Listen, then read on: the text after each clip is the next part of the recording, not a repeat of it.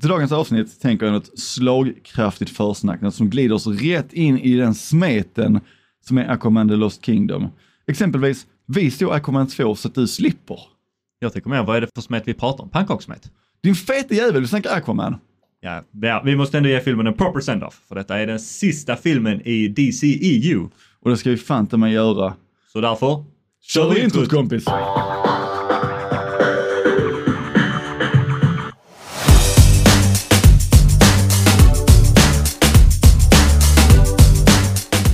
Välkommen till DND Snackar Film. Mitt namn är Dick Normark. och Daniel Landström. Idag så ska vi prata om den sista filmen i DCEU-serien. Och eh, jag är full rulle med min eh, watch-through av alla DCEU-filmer. Eftersom att vi ska då göra en eh, full ranking av alla. Och eh, när jag researchade detta i början så fick jag reda på något som jag faktiskt inte hört tidigare. Oj. Och det var alltså grundidén till hela universumet börjar och det är då alltså Man of Steel. För det var egentligen ett eh, script från Christopher Nolan. Där ser man. Ja. Innan eh, du fortsätter på det, för de oinvigda, Daniel, vad betyder DCEU? DC, DC Exakt, ja. Extended Universe. Det är deras summa- summa summarum deras universum för Ja. ja. superhjältarna inom DC, ungefär som, det är motsvarigheten till Marvel. Och Ja, den har väl precis. då eh, tonsatts väldigt mycket med konkurrensen som de har känt från ett mer lyckat franchise från då Disney Marvel. Så du menar att eh, DC har försökt att haka på eh, MC, MCU-trainet och försökt att verkligen hinna ikapp dem med sina filmer? Jag, jag skulle säga att de, där, fin- där finns det vissa saker som tyder på att de har försökt komma ikapp där lite. Ja. Några väldigt stressade team-ups-filmer och väldigt mycket hoppande runt och inte en fast, eh, fast plan i det hela. Absolut, skulle jag Ja. säga det. Det finns väl en anledning att eh, folk har rankat alla DCEU-skurkar som varit med och den som toppar allas lista det är ju Executives. Det är Warner Brothers Executives som är de värsta skurkarna i DC. Och det är ju faktiskt eh, ett tema även för den här filmen. oh ja, absolut. Det är det. Det har hängt med, det är det som har eh, pestat hela denna franchisen sen start i princip. Man har gjort det när man märkte att pengarna började dala och intresset började sjunka lite. För att man kände att nej men det kanske inte var det här folket ville ha. De har testat att ändra det, kasta det mot väggen, se om det fastnar. Fastnade, då gör vi det en gång till. Fastnar det inte då, så gör vi om det. Och så har man fortsatt. Man har inte haft någon clear direction i det hela. Ifall vi ska ta tillbaka det till pannkakor så är det som en dålig, dålig pannkaka som, du vet när du försöker vända den, eller det är en bra pannkaka i början, men så ska du vända den och då så går den i sönder, den liksom viker sig på mitten och sen helt plötsligt så har du en stor jävla tjock smet som du inte kan riktigt göra någonting med så ja. Har du ätit frukost i morse? Det har jag faktiskt. Du har det? Ja. Det låter inte som det. Ja men det är du som tog upp smet så. Nej, men eh, något som är lite intressant, där hela, alltså denna franchisen börjar med Man of Steel, så skulle ju grundidén vara att eh, det var liksom en, en värld som aldrig någonsin har sett någon, något i dess lika av en Superman, av eh, en Wonder Woman, av en någon, någonting i den stilen. Var Och den första menar du? Ja men precis, och så är det hur världen hade reagerat, alltså politiskt, media, eh, kultur, allting, hur de hade reagerat ifall det då hade kommit en, en Superman till deras värld. Och det är ju det som var själva grundidén till, till där det, detta universumet börjar. Och det som är lite intressant är att eh, har de hållit tag i den idén när du ser, när vi ser då Aquaman 2 och hela den jävla världen som de byggt upp där. Är det lite magi eller lite, eh, alltså, Jag skulle vilja försvara Atlantis, att det har varit en gömd stad. det har varit en gömd stad, men eh, Men vi fick även reda på att Gotham har en fladdermus. Wonder Woman har sprungit runt under hela första världskriget. Ja. Där, fi- där finns väldigt många saker som kommer som eftertanke, men, men ni visste inte om detta. Det, Superman var den första som kom ut ur garderoben. Ja, nej, för det visst, to be fair, så var det ju den första riktigt offentliga typen var ju Superman och han hade ju, han gömde sig fan inte för att, eller i början gjorde han, men sen kom Sod och då sket det sig direkt. Så att han har ju väldigt varit front and center och sen har det ju utvecklats ifrån det. Så to be fair så har det ändå, alltså, ändå hållit sig så, men det, det är fan en magisk värld. Det, Det finns det. mycket Den är magi väldigt- i denna världen. Väldigt magisk. Ja. Man ska kunna jämföra den med senare Marvel-universumet. På första biten, fram till Endgame, känns väldigt planerad. Även, även där finns missar som inte var Mm. planerade. Men senare tid känns det som att de har stoppat in saker och sen kom på extremt dumma anledningar efteråt till varför de här sakerna alltid har funnits. Visste ni om att det fanns eh, en hel grupp med superhjältar som inte gjorde någonting för att eh, de, fick inte lov att göra någonting. De fick lov att påverka mänskligheten. Nej, så de har hållit sig undan. Nej, de, de gett teknologi och påverkat mänskligheten, men de fick inte lov att påverka mänskligheten. Man fick inte lov att nämna dem bara. Nej, exakt. Du får inte lov att snacka om dem. Det är lite som, eh, som han Harry Potter som inte får prata om heller. Ja. Eller Fight Club. Exakt, han utan näsa, Michael Jackson. Nej, det var det inte. wow. Wow! Ja, det var lite det som fick mig nästan så, typ när Quantumania kom ut och jag såg trailern och jag var, jag var, innan jag såg trailern var jag taggad, men sen bara, är det ännu en jävla hemlig civilisation som är typ, liksom helt jävla välutvecklad, som vi inte har sett. Det Men den är som, pytteliten. Ja, men det känns som varje ny film så är det liksom en ny avancerad civilisation som bara dyker upp. Väldigt mycket eftertanke. Ja. Väldigt mycket eftertanke. Men, idag är det ju Aquaman vi ska prata om. Aquaman and the Lost Kingdom. Vad tycker du om den titeln? Tycker jag att det är en rätt klockren titel. Eh, Den, den för ändå fram liksom typ att det där är ett förlorat kungadöme. Där finns en, eh, en vattengrabb, som vi kallar honom. Ja. Så att den, eh, den är ju inte så avancerad att komma ihåg. Men jag vill, jag vill alltid få över den till typ något annat. And the Lost City, and the Lost... det känns som man blandar ihop... Jag hade gillat att kalla den för H2O. Oh.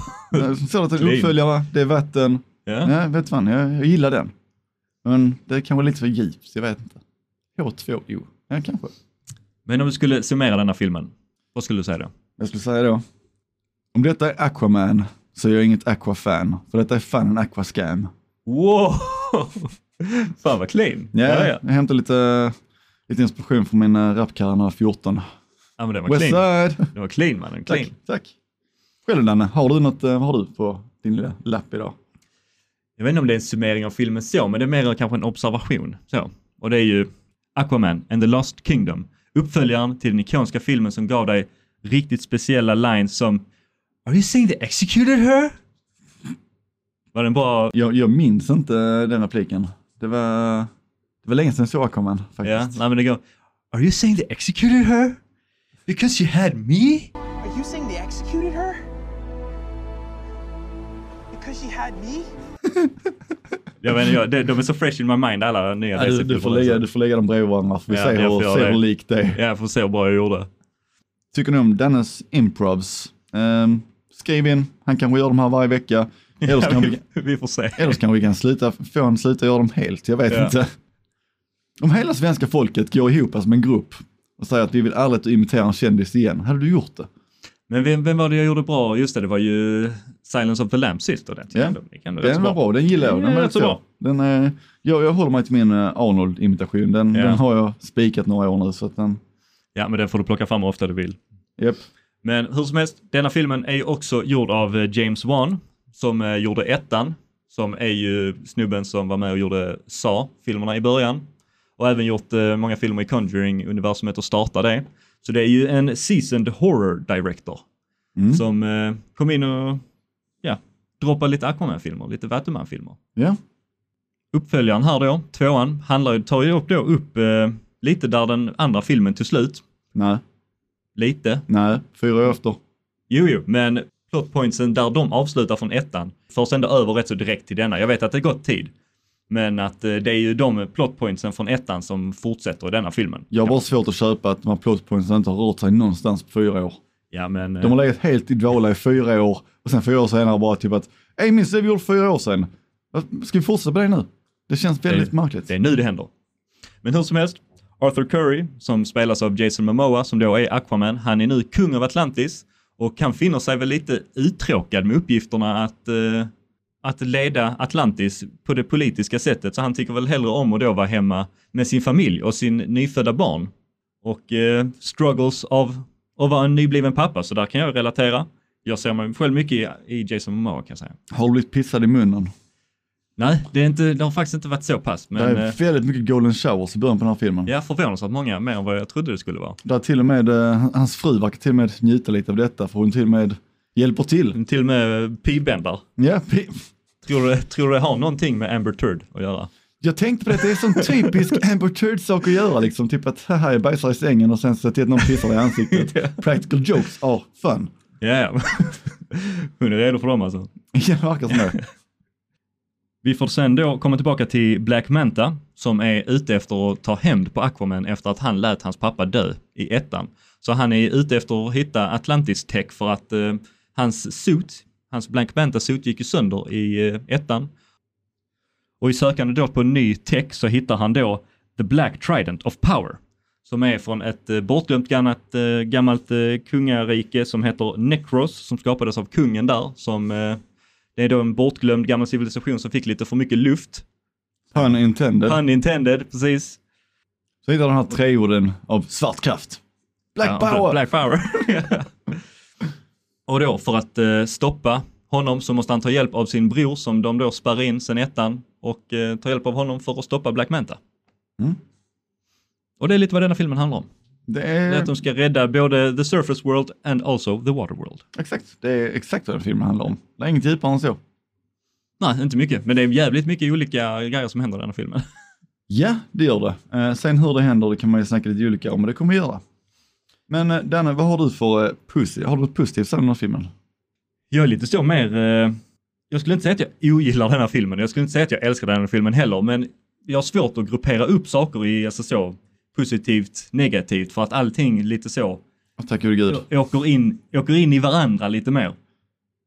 För jag skulle säga setupen är, tycker jag är skitbra, alltså för jag gillar Black Manta, jag gillar hans motivation, jag gillar hur han var i ettan, liksom att han är väldigt intensiv och brooding och arg och att han är liksom väldigt fokuserad på sitt mål och det är att döda Aquaman. Fast här är han inte Black Manta, här är han Back Manta. Back Manta. Ja, han är tillbaka. Because he's back. Ja. nice. Han Back Manta. He's back in black. Oh, damn!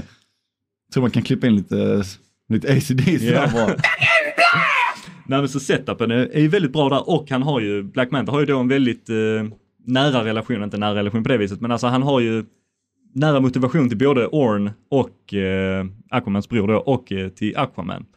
Han var ju mitt i smeten där i ettan, väldigt involverad i hela det politiska spelet som pågick. Ja, precis.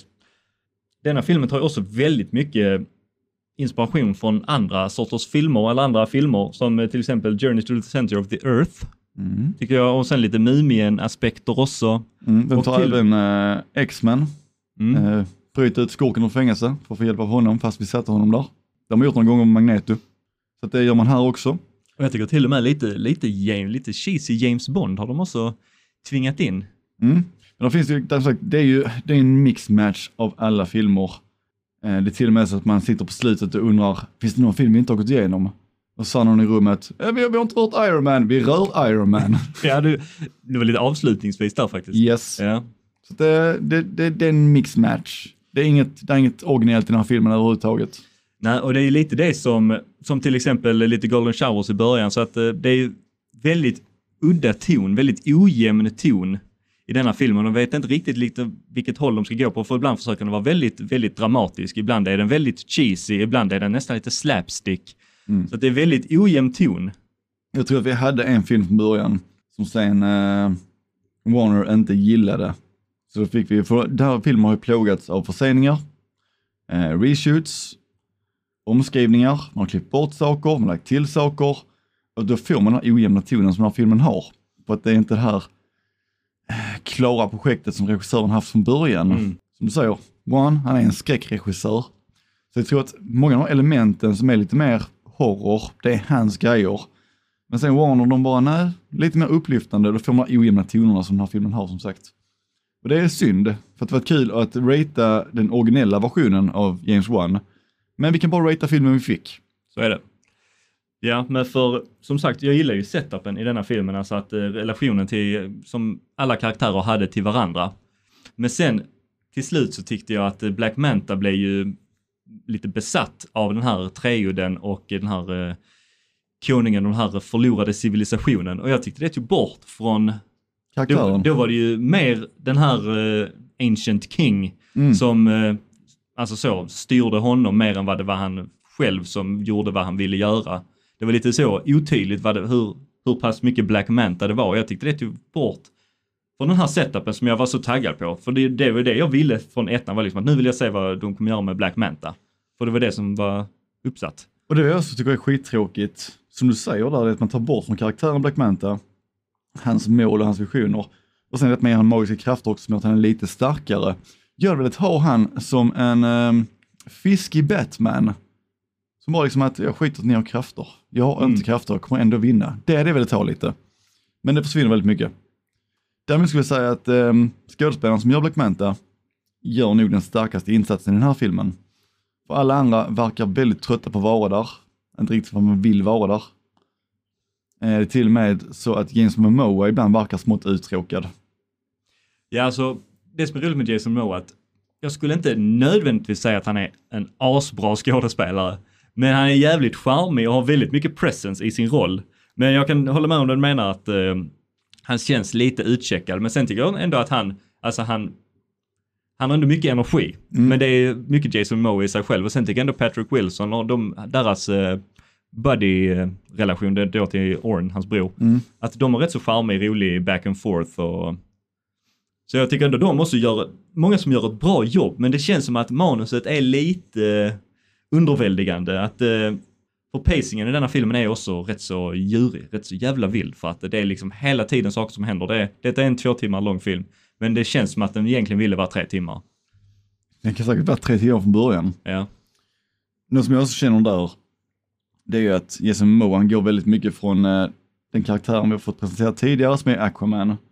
Väldigt stoic man, väldigt liksom laid back, tar det lugnt.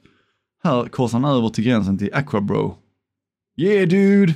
men han har hela tiden varit lite aqua bro. Ja men det blir väldigt mycket här nu. Alltså, är, han är inte seriös en enda gång utan det är väldigt mycket, jag vet inte. Det är skoj, han tar inte det seriöst. Jag älskar när filmen började, eh, de första sekunderna. För då är Aquaman som eh, berättar, samtidigt som han flyger upp på ett skepp, ska på lite skurkar. Och då drar han det här som typ att, ja, jag snackar om en fisk. Och många tycker att det är töntigt. Vet ni vad? Jag bryr mig inte. Och jag bara, åh kul. De tar den här stereotypen, snackar om fisk. Han gör det till en sjukt rolig grej, han gör det bra. Och nu spör han lite, nu, he kicks ass, älskar det. Sen får man reda på att det, så är det inte alls det, det var han som berättar samtidigt som han leker mot två actiondockor och där tappade de mig direkt. För jag fick inte det här som jag ville ha. Aquaman, King of the Sea, Protector of the Ocean. vi har reagerat också på det, men de hoppar väl lite back and forth. Det gjorde de, men som sagt, det var ju bara, det var ju bara en berättelse. Den gav inget innehåll. Så det, det blev jag besviken över. Ja, något som, för att eh, som sagt, vi har nämnt några gånger att James Wan är ju en skräckdirector och eh, har många år i branschen. Men något som jag blev väldigt imponerad på i ettan var hur alltså immersive och hur bra alltså actionscenerna var. Alltså att det, det kändes som att koreografin var jävligt bra, kamerarbetet var jävligt bra, som den scenen när de springer igenom en, jag tror det är en liten italiensk by. Det är liksom en, nästan som en enda lång panning shot och att eh, alltså den är väldigt cohesive, alltså allting flyter ju samman jävligt bra för det, det rör sig på två olika fronter för det Black Manta är på Aquaman och eh, det är några Atlantis-soldater som är efter Amber Heard och det är liksom, de meshas ihop skitbra och det är väldigt så hög energi men det är ändå jävligt tydligt vad det är som händer så actionen där var skitbra. En eh, scen i början när de då eh, slår sönder hans stackars pappas hus. Eh, också skitbra. Men här var det bara någon enstaka scen där jag verkligen kände att actionen var riktigt bra. Och det var ju en slutscen när de slåss med varsin treudd mellan Aquaman och Black Manta som var en jävligt bra eh, koreograferad scen. Men annars tyckte jag det var lite underväldigande. Det var mycket visual noise. Ja, och anledningen till det är att varje scen är extremt sönderklippt. Eh, jag vet att James Wan, han byggde till och med nya kamerariggar för den här filmen. För att han märkte att förra gången så blev det ohållbart för skådespelarna. När han gjorde det förbättrat nu för att kunna ha mer flytande shots. Men som man ser i fighting-scener och allting, så är det bara scen på scen på scen på scen. Det är så mycket klippningar. Det är liksom scener där en person står långt, långt borta. Klipp snabbt, händer någonting, klipp tillbaka, personen är redan framme. Alltså det, Mm. det är inget flyt i det hela. Det förstör väldigt mycket. För det är som sagt, det är väldigt mycket visual noise. Ja, det är mycket som händer men inte, vi vet inte riktigt vad det är. Nej. Sen har vi många saker som är ologiska med den här filmen. Till exempel att varför skulle kungen av Atlantis och hans drottning som är från Atlantis bo på land och uppfostra sin son och sen pendla till jobb varje dag? Varför? Han är ju en, eh, en man av både land och hav. Ja men om du är kung, borde inte bo kanske där du är kung någonstans? Om, om din kung, okej nu har inte vi en ordentlig kung här i Sverige, men jag hade blivit lite sur om kungen i Sverige hade bott i Norge. Fair enough. Fair enough. Det, och behövt pendla till jobb varje dag. Ja, men jag tror kungen bor väl ändå på slottet. Går hans så. simningar på skattebetalarnas pengar? Det undrar jag. Han har några badskor han har, Men han de- hoppar i och simmar, liksom, han simpuffar. Har han tagit upp skattebetalarpengar för han ska pendla till jobb? De simmar jävligt snabbt. De, det gör de. Det gör de. Där var en sak som också i den här filmen blev rätt sjuk menar jag. Det är dynamiken eh, just för under vatten. Det är en undervattensstrid där det är olika sådana här små undervattensskepp som krigar. Och eh, drottningen spelad av, Amber Heard, eller vad? nej, dr- eh, Eller ja, eh, Nicole Kidman. ja, drottningen spelad av Nicole Kidman. Hon blir avknuffad från ett skepp. Var hon, eh, hon faller. För att sen bli upplockad av ett annat skepp eh, under till. Och det funkar skitfint om det är flygande skepp. Du faller, du måste bli räddad så. Eh, hon kunde bara simmat uppåt. Hon är under vatten. Hon faller inte, hon sjunker. Ja, och det är lite det som man, jag jämför denna jävligt mycket med ettan såklart man gör, men eh, det kändes som att där var det mer consistent med det mesta, alltså typ logiken i världen och eh, hur mycket man har försökt få ihop en bra Aquaman-film. Det kändes som att de droppade mycket inför denna, alltså som att de inte försökte lika mycket få det att vara cohesive. Sen nackdelen med det här, det är att man släpper den här filmen efter att vi fått Avatar 2. Eh, Ja, Way of det Water. Som jobbigt att jämföra med. De satte ju ribban för undervattensscener. Och här känns det väldigt mycket som att man har kört eh, antingen med en fläkt så håret vajar lite. Ja. Och sen ett Instagram-filter som gör det lite blekare, för allting är lite blekare under vattnet. Ja, men ibland kollar man lite bara, flyter håret nu? Ja, okej, nu är det under vatten. Ja men det, är- ibland flyter inte utan det blåser. Ja, ja. Det, det ser väldigt det ser märkligt ut. Eh, Men det är som du säger, att man får kolla extra noga för att du har svårt ibland att uppmärksamma vilka scener som är under vatten och vilka scener som är eh, ovan vatten.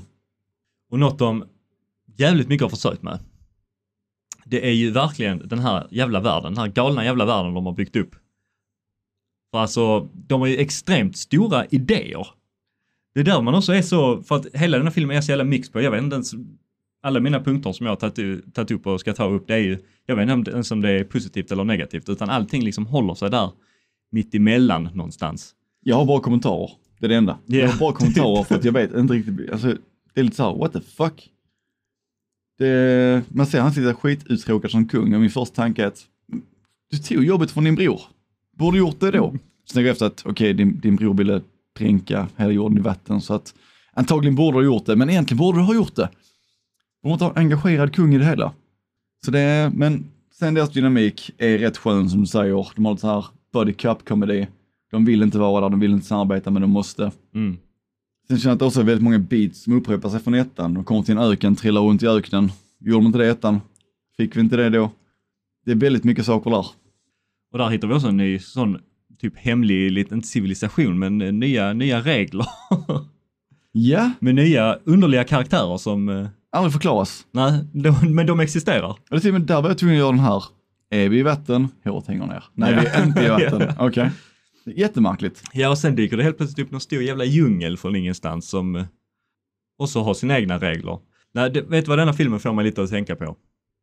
Nej. Typ eh, när man haft en, man har haft ett projekt som du tagit i en direction som du tänkte var, ja men detta, detta är bra. Och sen så typ när du har kommit långt in och så börjar vi kanske inse att fan detta är rätt så whack. Detta är kanske inte the, the best direction egentligen, men då är det liksom, är man in too deep. Så då får du fan bara ta och fortsätta och bara committa och bara double down. Ja, ja. Alltså du var tvungen att ha en viss mindset för att se den här filmen. Du var tvungen att Ja. stänga av, du var tvungen att stänga av liksom din högfungerande cortex i hjärnan Ja. som analyserar allting. Du var tvungen att dumma ner dig ordentligt. Det kom du ner där på så en tiondeklassares, nej Ja. förlåt, förlåt, det är för högt, det är för högt. Kom du ner på en sjundeklassares nivå i tänkande, så du bara så, wow, här kommer man simma fort. That's cool. Typ så blev det. Ja men det, det är det här, det är mycket det här visual noise och att eh, pacingen är så jävla, alltså som sagt detta känns som en två timmars film som eh, skulle varit, som ville vara tre timmar. För att eh, de hoppar liksom från ny, nytt ställe till nytt ställe och det är liksom hela tiden saker som händer. Det finns ingen tid att riktigt andas och, och mellan de här scenerna så är det liksom en exposition scene där de förklarar vad det är de ska göra eller vad som ska, vad som har hänt. Det är, Det det är en stökig film, det är en jävligt stökig film. Känns som den var producerad från Nickelodeon, eh, tillbaka på 2004 typ. Men det intressanta med den här filmen som jag älskar, det är ju kontroversiella Amber Heard. Eh, för att det har inte undgått någon att det var en jättestor sak för ett par år sedan, där Johnny Depp och Amber Heard hamnade i rättegång och hade lite giftermålsproblem. Eh, det här ledde till en liten petition på internet, alltså en lista där man skrev på för att ändra någonting, där man ville ta bort Amber Heard helt från Aquaman 2. Det var anledningen för att Johnny han förlorade första rättegången och han blev borttagen från Pirates of Caribbean. Så tänker man att blir han borttagen Eh. från Pirates of Caribbean, Han blev också borttagen från eh, Fantastic Beasts eh, Det också. franchisen och det är också Warner Brothers. Samma. ingen vill röra honom. Sen när hon förlorar, hon vill inte ha med jobbet, så skapar han listan. Den listan fick 4,6 miljoner röster på att man ska ta bort Amber Heard helt och hållet. Eh, Warner Bros var väldigt tydliga med att de tänkte att nej, det här är inte riktigt folk, det här är bottar som försöker bara trolla oss. Mm. Det kommer inte drabba filmen. Men ändå så ser man att de har fått lite panik för att Amber Heard finns knappt med i filmen.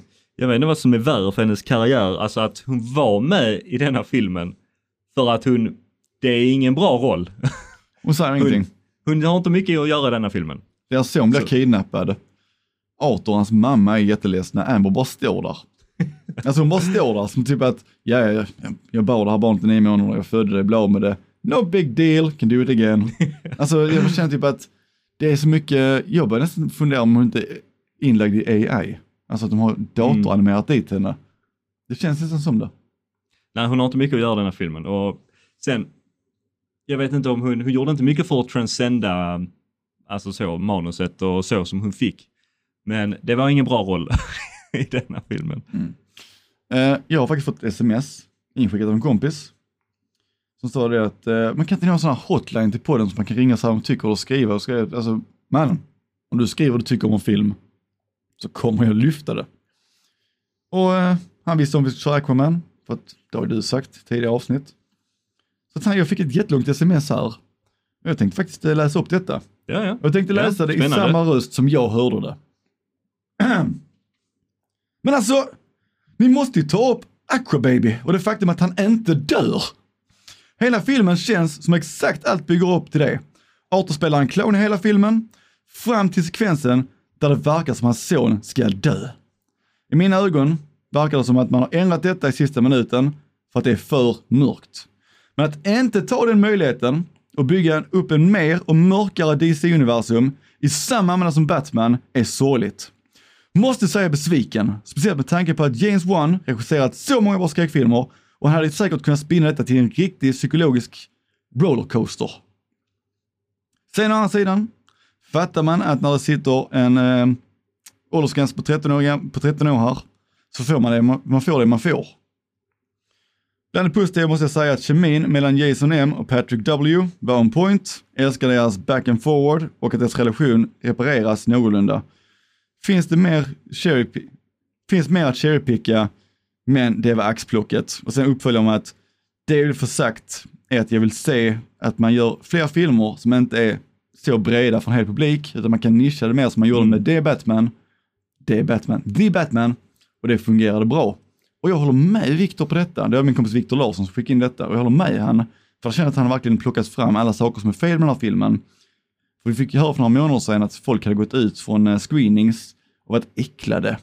Och folk bara, jävla äcklade. ja, folk bara teoriserar liksom, vad är de äcklade över?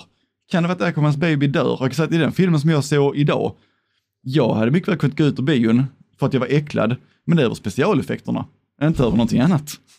Ja, nej, tack så mycket till Viktor. Tack så mycket till Viktor. Det var tog upp mycket bra.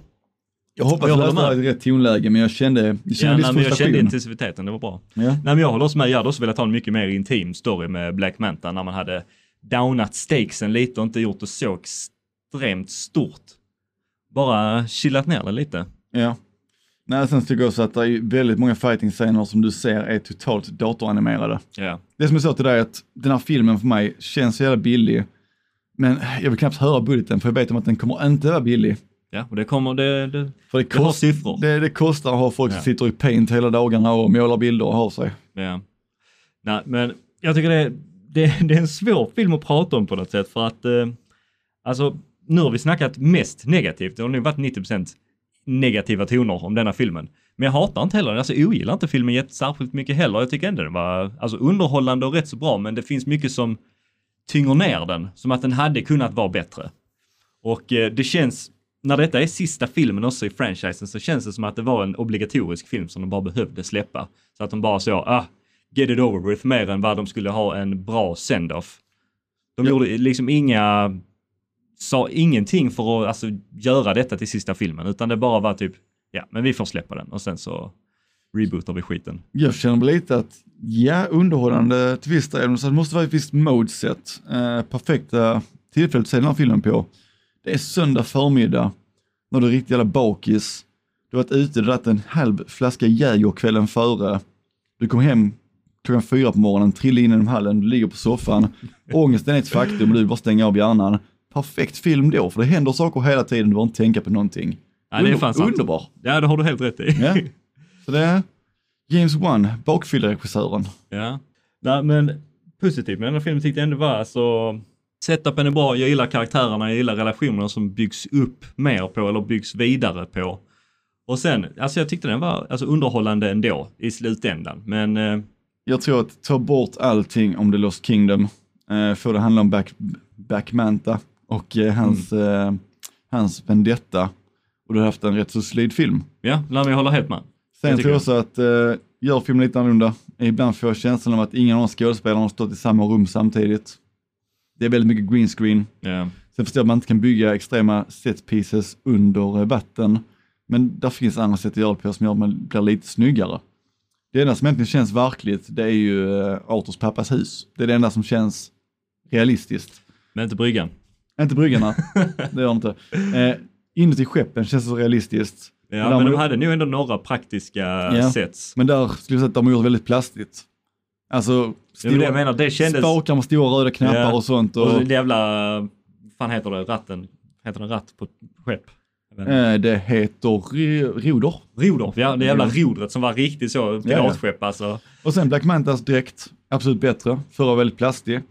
Får fortfarande väldigt mycket plastiga vibbar från denna. Den är bättre. Men ehm, det finns en serie, eh, animerad serie, Young Justice, som gör det jävligt snyggt för de har byggt halva halsen eh, upp för halva ansiktet. Och sen så är manta-hjälmen mer avlång, sen är det bara på överdelen av huvudet. Och den designen blir så jävla cool, för du kan få lite biffigare nacke, längre hals, plattare, inte så här runt huvud som den här hjälmen får. Så finns det andra saker som man gärna hade sett, men det är en förbättring, klart och Mm. helt. Men det kan vi då släppa nu för att eh, nu, det var nog slut. Nu är det slut. Nej, det var lite det jag kände typ att eh, det var ett märkligt avslut för den här franchisen. Mhm. Jag undrar om, eh, vad heter nu den nya ledaren för DC? Han heter James Gunn. James Gunn ja. Ja. Så han ringde upp Momoa bara så, du ang angående Aquaman, ja, you can aqua scram. I got a new dude. Men det, var, det verkar ju dock som att han, eh, Jason Momoa är väl fortfarande in talks att uh, ha nya, någon ny roll möjligtvis. Eh, ja, nya roller absolut, men inte som Aquaman. Nej, och det är roligt för att för några månader sedan så lät han väldigt eh, typ att ja, jag är Aquaman, ingen annan kommer vara det. Och sen, ja men vi har snackat lite och jag kommer nog få en ny roll. Och så är det för många skådespelare i DC just nu, att inga av dem, det är samma med eh, Wonder Woman, kommer antagligen inte ha samma skådespelare längre. Vi vet redan om att eh, Superman inte kommer ha det. Det kommer ändras mycket. Jag tror att det är ett smart beslut ändå, kanske att starta om allting för att få bort stämpeln från det som har varit. Så vi får se om de lyckas. Jag, jag har tilltro till James Gunn, så länge det här går helt off the rails och kör en ny Taika Waititi. Mm, nej men jag, jag har ändå hopp. För alltså, jag, jag tror han kommer göra någonting liknande med vad han gjorde typ med Guardians of the Galaxy. Mm. Alltså att han ändå håller det seriöst med lite lättsam ton men ändå hoppfullt typ. Vi hoppas det. Daniel, vi ska snacka betyg. Nu ska vi snacka betyg ja. Ja. Jag är extremt nyfiken på var den hamnar på din betygsskala. Ja, eh, 6,4. Oj! Damn boy! Det var Ja. högt. Det var högt. Ja, nej men det är det jag... Jag aktivt ogillar inte denna filmen. Det var mycket saker som kunde varit bättre, men jag tyckte ändå den var eh, Mm. alltså enjoyable. Mm. Själv då? Jag kommer säga som eh, John Bon Jovi, säga we're halfway there med en eh, femma. Ja, ja. Det är fair. Ja. Vad tror du IMDB har lagt den här filmen? Jag tror väl jag... Är jag, hö- ja, jag är högre, definitivt. Eh, 6,2 kanske. 6,1. Du är alltid högre än IMDB. Ja. Um, 64 000 personer har lagt det här på en sexa. ja, men det är väl ändå fair. Så det gick lite över, jag sänkte dem till helt poäng. Ja. Jag skulle säga att, eh, ja nu är det ju 64 000 en person som jag tycker är lite för optimistiska. Ja, men det är fair. Det är fair, absolut. lite trivia om filmen. Vill du ha va? Det är klart du vill ha trivia. Du vill ha trivia? Då ska du få trivia. Jason Momoa var med och pitchade eh, storyn för Aquaman 2. Vilket gör att han är en av fåtal skådespelare som både har pitchat en story och spelat huvudrollen i den storyn. Andra skådespelare som gjort samma sak är Christopher Reeve i Superman-filmen från 1987, En kamp för freden. Eh, Paul Rudd pitchade för Ant-Man and the Wasp. Ryan Reynolds pitchade för Deadpool 2. Och han verkar ju kriga tappert för eh, Deadpool 3 också, Mm. med Disney. Det verkar han göra och det gillar vi faktiskt. Vi vill inte att de tar över för mycket. Eh, Tom Hardy gjorde samma sak för Venom, Let It Be Carnage. Och då ser man ju lite också att det finns bra moment, jag tror att väldigt bra idéer från början. Men sen när det kreativa tar bort och studion börjar tänka pengar så blir det väldigt fel. För många av de här filmerna är ju inte bra filmer. Deadpool 2 är en bra film. Eh, Venom 2 var inte en bra film. Ant-Man, okej film. Och eh, Superman från 1987, minns inte den så bra så jag kan uttala mig om den. Men jag kanske återkommer på det ämnet. Någon gång. Vi kan ha en liten, eh, vi kan väl ratea alla DC-filmer någonsin. Någon gång. Kanske. Kanske. Jag ska hinna göra det innan eh, James Gunn kommer igång med sitt nya universum i alla fall. Det ser vi fram emot. Jag har kommit typ halvvägs så jag, fan jag, eh, jag kör hårt alltså. Oh. Halfway there. John Bon Jovi. Clean, clean, clean. Jag har lyssnat väldigt mycket John Bon Jovi på sistone. ja, vi känner det. Märker det. Ja. Ja. men det är inget fel på det. Nej, nej, men det är varje gång jag får lönen också så är det living on a prayer. Ehm, det är även tillägga på den förra trivian. Det är ju att Edward Norton, han kommer som lite uh, scenändringar och sånt för uh, Hulken 2008. Han fick dock inte en uh, skrivarcredit för detta. Han fick sparken. jag tänkte precis säga det. Han, eh, han var väldigt eh, påstridig Mm. tills han fick sparken. Tanken har först varit att den här filmen skulle ha en Batman. Först var Michael Keatons Batman som vi såg i The Flash, men The Flash kom först så skrev man om det så det var Ben, ben Afflecks Batman. Båda scener filmades, båda klipptes bort.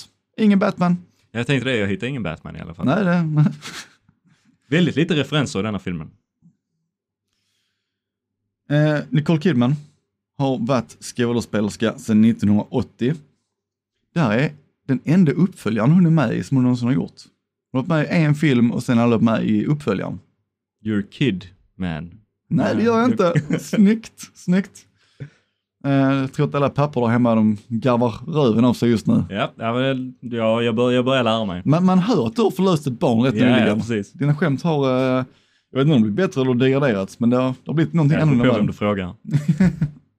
Ska jag snacka lite siffror? Give me the numbers baby. Ja, det är ingen, eh, det går ändå hyfsat bra. Alltså faktiskt, ta den. Budgeten låg ju på 205 miljoner. Så det är ju precis lika jävla dyrt som alla andra jävla filmer kostar nu för tiden. Dollar. Do- Dollartecken ja. Dollar till och med. ja. Så med marketing så kan vi väl eh, säga att eh, någonstans över 300 miljoner dollar ungefär. Ja. Och eh, domestic siffror, USA och Kanada, så har de dragit in eh, 114 miljoner dollar. Och eh, international, resten av världen då, 283 miljoner. Så worldwide så har den dragit ihop 397 miljoner dollar. Så den kan ha gått jämnt ut i alla fall. Ja. Och det räknar de inte som en seger i Hollywood. Nej, ja, man ska ju tjäna väl ungefär eh, två och en halv gång gånger sin eh, budget för att man ska så helt och hållet kunna säga att ja, nu tjänar vi pengar. Ja. Så att det, det är alltid lite otydligt för att jag har börjat researcha lite mer på Mm. eh, alltså vad, hur mycket pengar studion faktiskt får tillbaka av dessa siffrorna. För det är ju rena alltså säljarsiffror detta. Mm. Detta är ju, har ju inte dratt bort från vad biograferna tar, vad, eh, ja, skitsamma.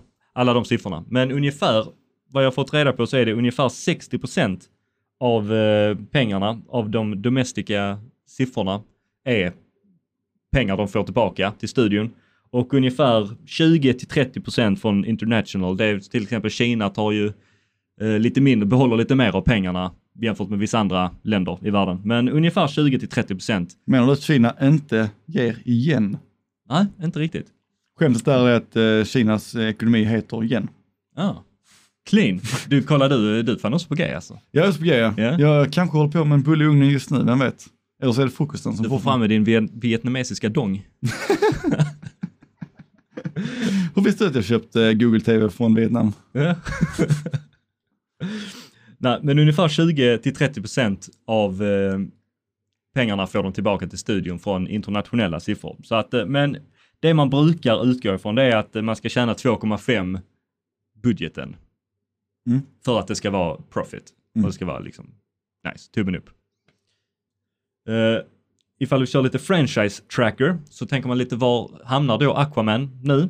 Och eh, i hela franchisen då så hamnar den på nionde plats. Den ligger mellan Shazam eh, som tjänar ihop 140 miljoner dollar och eh, The Flash på 108 miljoner dollar. Och detta är då domestic siffror, så detta är Kanada och USA. Som De säger nionde plats Av hur många? eh, 15. Av 15? Så, Det inte, beror, det beror lite på ifall man räknar eh, Snyder Cut eller inte. mm, topp 10 alltså? Ja, oh ja. Ja, snyggt. Och eh, worldwide så hamnar den på en sjunde plats. Och den ligger då precis bakom, eller inte precis bakom, en bit ifrån eh, Justice League på 655 miljoner dollar och eh, före Black Adam på 391 miljoner dollar. Ja. Jag är så sur för att mina fickpengar ligger där i Justice League och jag vill gärna tillbaka dem. Ja, Jag är, inte, alls- jag är inte alls nöjd med dem. vi får snacka med Warner Brothers. Du ska ha dina millar. Äh, inte millar, det är, så jag betalar 150 spänn för den filmen och det var fan inte värt. Ja, du tänkte på det viset? Ja, det så jag. Nej, men det var väl mina siffror. Spännande. Vi tackar så mycket för det Daniel. Varsågod. Och nu har jag lite, lite spel. Oj, Lite spel och roligheter. Om inte du har någonting du vill köra före? det har jag inte. Vi eh, kör gärna lite spel här tänker jag. Först tänkte jag köra något lite roligt här. Och då tänkte jag fråga dig Dick, which DC character are you? Oj, En sån rolig. är det som med multifrågor så jag sen får reda på ett svar eller? Ja. Oj, så jag får- inte själv välja. Nej, då, det, det, det visar sig. Du kan, få, du kan få lägga en värdering i det själv. Jag har gjort dessa, jag gjorde flera stycken. Jag blev kvinnor varje gång. Jag vet inte. Kul, då ska vi göra nice. det. Jag tror Ja. jag blev Catwoman och Wonder Woman blev jag. Mjau. Ska bara byta snus här, vänta lite. Snusbyte, snusbyte, måste byta snus. Snusbyte, snusbyte, måste byta snus.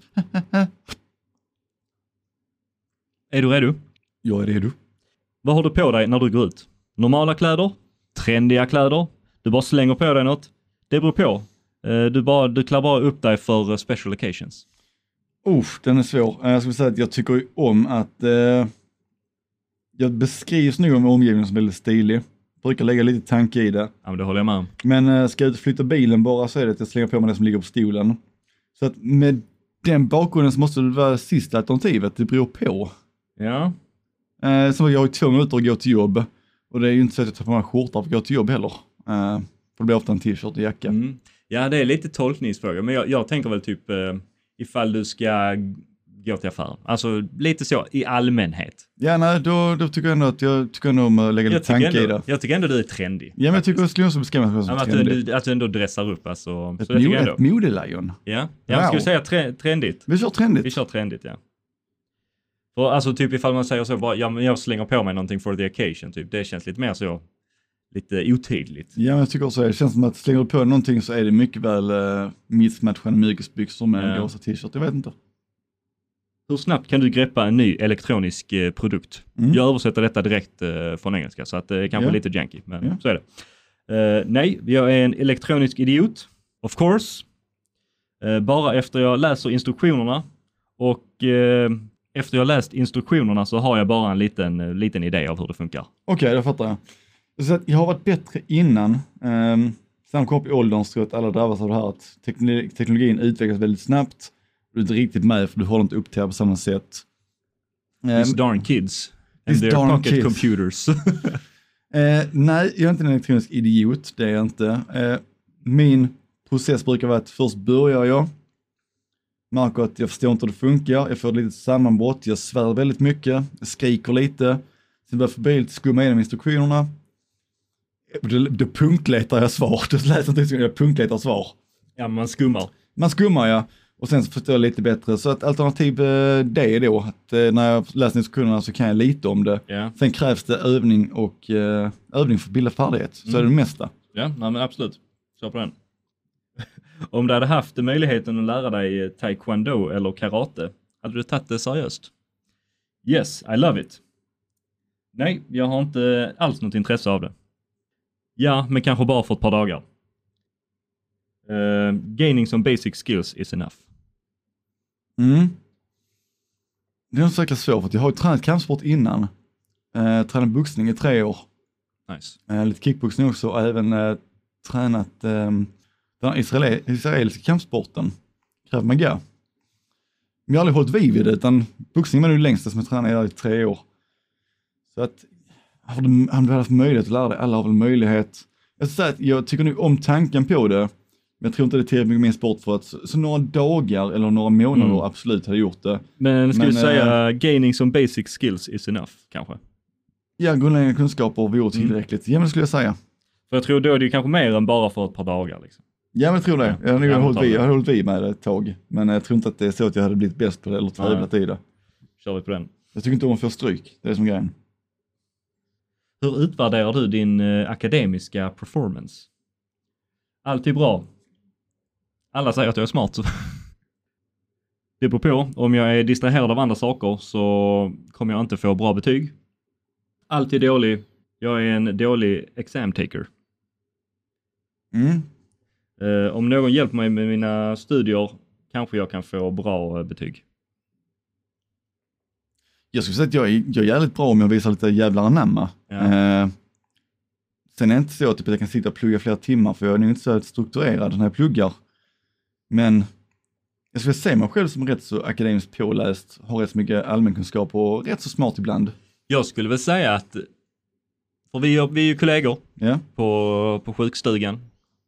Så, och jag skulle ändå säga att du ger ju mycket alltså så kunskap. Alltså Mm, att du, mm.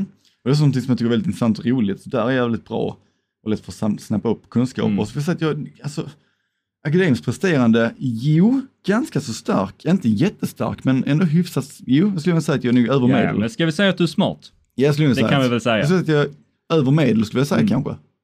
Ja, nej men jag, jag godkänner det. Ah, schysst, schysst. Nu får du ju som sagt eh, kvala mig här med så, med Ja, nej, ljuger nej, jag, godkänner det, jag godkänner det. Eh, hur eh, viktigt är pengar i ditt liv?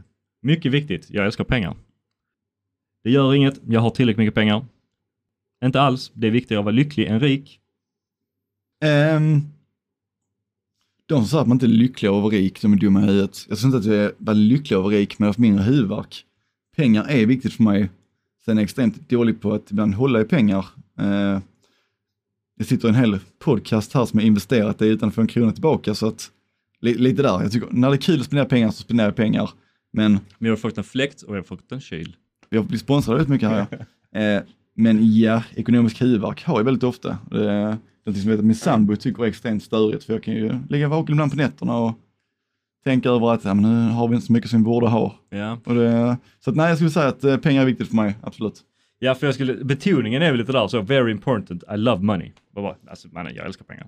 Ja, ja. Men det kanske inte är det absolut viktigaste i hela världen, men liksom, ja, jag älskar pengar. Nej, men det är, en huvudvärk mindre. Ja, precis. Har du haft 50 miljoner på bankkontot så slipper du tänka på det i alla fall. Det är liksom graden av hur mycket man älskar pengar. Ja. Typ. Ja, Ja, jag ska vi ta den då? Vi Jag älskar vaknade pengar. till en parkeringsböter idag så att jag, Gjorde du? ja ja, Ah, fy fan. jag, jag och min sambo sett fel på vilken tid man fick lov att stå där så jag skulle gärna Ja. flytta bilen en timme för sent. Och då har de varit där tio minuter tidigare. Och då, då känner jag liksom att, äh, det här spelar ingen roll, känner inte jag, utan jag känner mer att det här sög ju.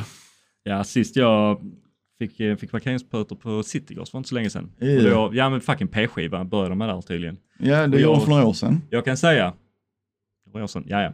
Jag kan säga, jag var inte snäll när jag pratade om eh, det yrket till min sambo. Nej. Jag säger att de är, de är väldigt duktiga på det de gör.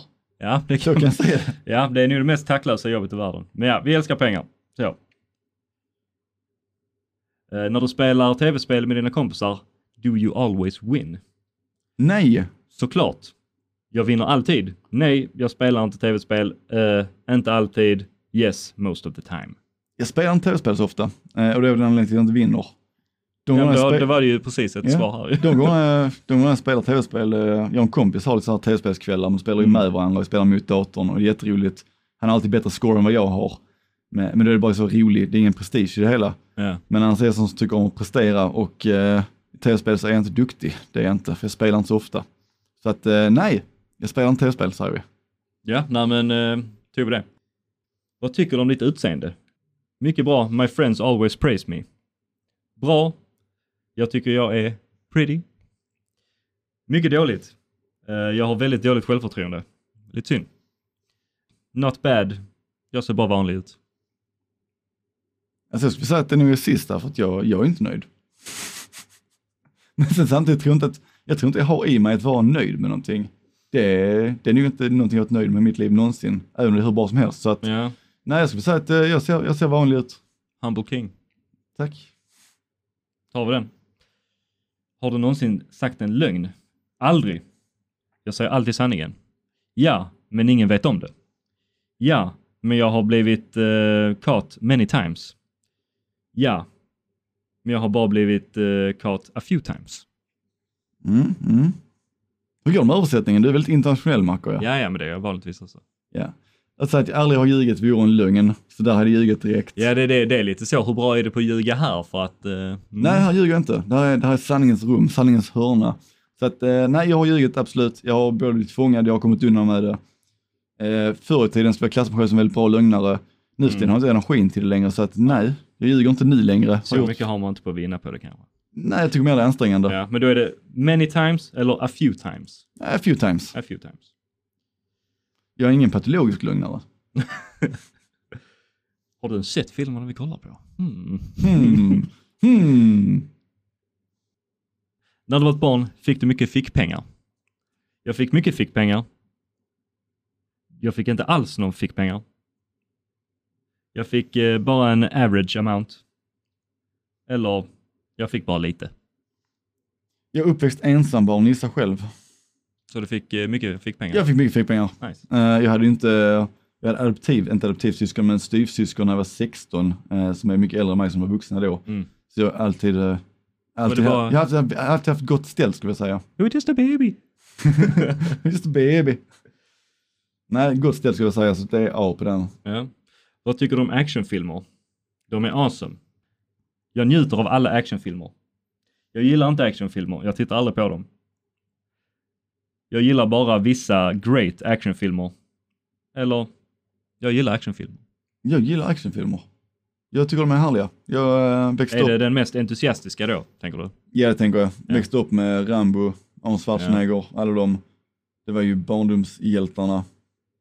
En tjuv på ett sjukhus eh, snor pengar från eh, patienterna. Eh, tjuven är lång och stark, men han har, inga, han har inga vapen. Vad gör du? Du hade ringt polisen direkt. Lite bitch move, kanske? Eller? Mm. Mm, mm. Eh, jag bryr mig inte, jag bara håller mig undan. I won't stop it, but I dread doing it. Eh, jag hade varit en hjälte och stoppat tjuven. Mm. Mm. Eller alternativ E, Så är du en... det är jag som är tjuven. Nice. Nej, ehm, Så är du en bitch? Är du en snitch? Är du en bitch? Eller är du en... nu är det så att jag jobbar ju på sjukhuset. Ja. Eh, det är Ja, faktiskt, verkligen. jag är ju faktiskt eh, patienternas lilla sköld mot Ja. omvärlden skulle jag säga. Så att även fast det hade varit inte det som jag hade velat göra egentligen så hade jag inte haft mycket val till att stoppa dem och det är Ja. rent av moraliska principiella skäl. tar vi den. Har du någonsin brutit mot lagen? Ooh, nu jävlar, nitty gritty baby. Breaking the law, breaking the law. Aldrig. Ja. Eh, jag är inte säker på om mitt eh, beteende har varit uh, olagligt eller inte. Jag har funderat på att göra det, men min, min, min rationella hjärna sa att jag inte skulle. Ja, kort och lätt svar, ja. Nästa Oh, fråga. Damn, damn. Jävlar många frågor.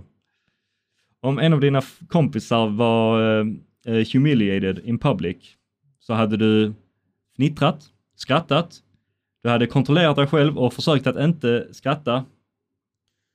Um, Okej, så min, min, min vän blir förödmjukad publikt. Det beror på hur nära vän det är. Är den bekant Mm. så har ni kontrollerat mig. Är den bästa vän så hade jag ju, jag hade, jag hade hoppat på förödmjukat den. Jag hade pekat och skrattat. Ja, För det är det bästa vänner gör. Nej, jag hade nog gjort det. Du skrattar. jag hade skrattat. Eh, Dick move. ja, ja, men det, det faller i karaktären Ja, det. men det gör det.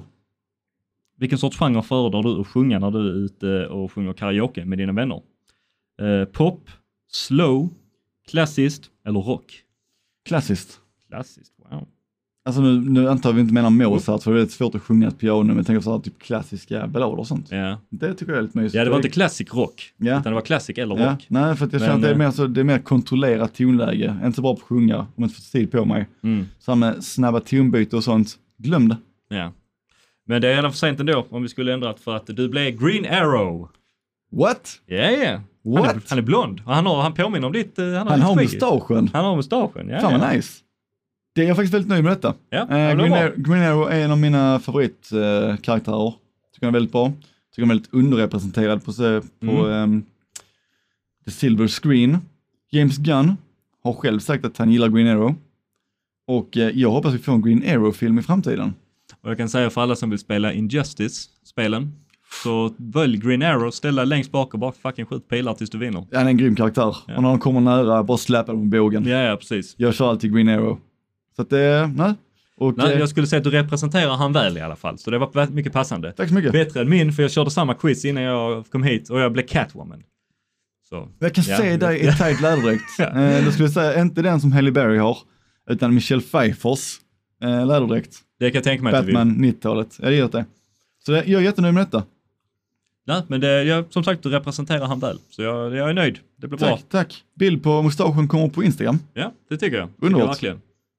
Jag vill egentligen köra en, eh, en DC versus eh, MCU bracket tournament list, men Mm. vi, eh, vi kanske ska, Vi sparar den tänker jag. vi kan spara den till min rankning av DC-filmer. Ja. Så det, vi har kommit på vår tid. Det är dags för oss att packa ihop och säga hej då. Vi tackar så mycket för denna torsdagen. Ja, tack så ni- mycket till alla som lyssnar. Glöm en inte följa oss på Instagram på dndsf podcast. Lämna fem stjärnor om du lyssnar. Ja, och sen så ses vi nästa vecka. Det gör vi. Tja då! Hej!